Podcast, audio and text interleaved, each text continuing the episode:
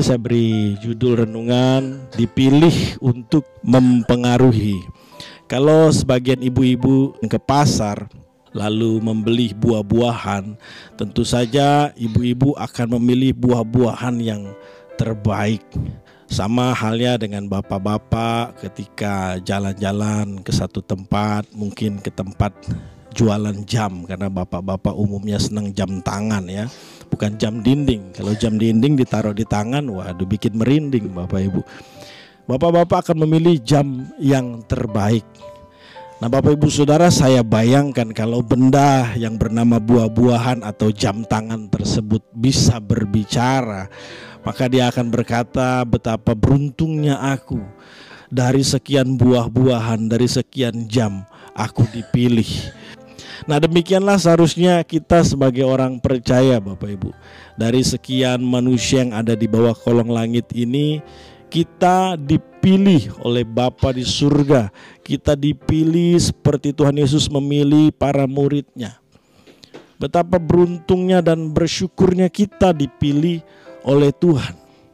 Nah, saya percaya Bapak Ibu Saudara, salah satu tujuan Tuhan memilih kita, kita dipilih untuk mempengaruhi. Sekali lagi kita dipilih untuk mempengaruhi. Jelas firman Tuhan dalam Matius 5 ayat 13 dan 14 menggambarkan orang percaya atau kita semua seperti garam dan terang membawa pengaruh, mempengaruhi, bukan dipengaruhi. Kalau kita ini disamakan dengan garam dan terang, itu berarti kita menjadi orang Kristen yang mempengaruhi, bukan dipengaruhi. Contohnya ketika menerima suatu informasi. Kita lihat firman Tuhan dalam bilangan 13 ayat 32 sampai 33.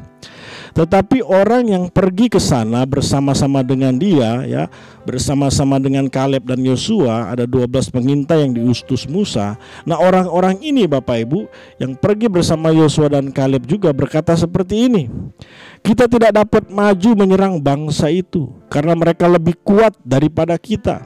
Juga mereka menyampaikan kepada orang Israel kabar busuk tentang negeri yang diintai mereka dengan berkata, "Negeri yang telah kami lalui untuk diintai adalah suatu negeri yang memakan penduduknya dan semua orang yang kami lihat di sana adalah orang-orang yang tinggi-tinggi perawakannya." Juga kami lihat di sana orang-orang raksasa dan orang enak yang berasal dari orang-orang raksasa dan kami lihat diri kami seperti belalang dan demikianlah juga mereka terhadap kami.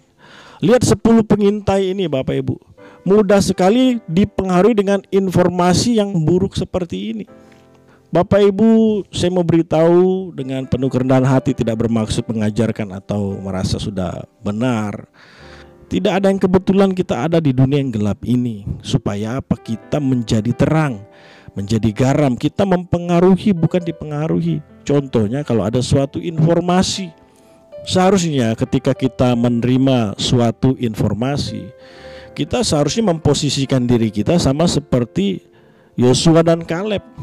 Mereka tidak setengah-setengah ketika menerima suatu informasi mereka mencari tahu secara keseluruhan kebenaran dari suatu informasi sehingga mereka tidak mudah dipengaruhi. Sebaliknya mereka lah yang mempengaruhi. Kalau kita baca ayat seterusnya tidak.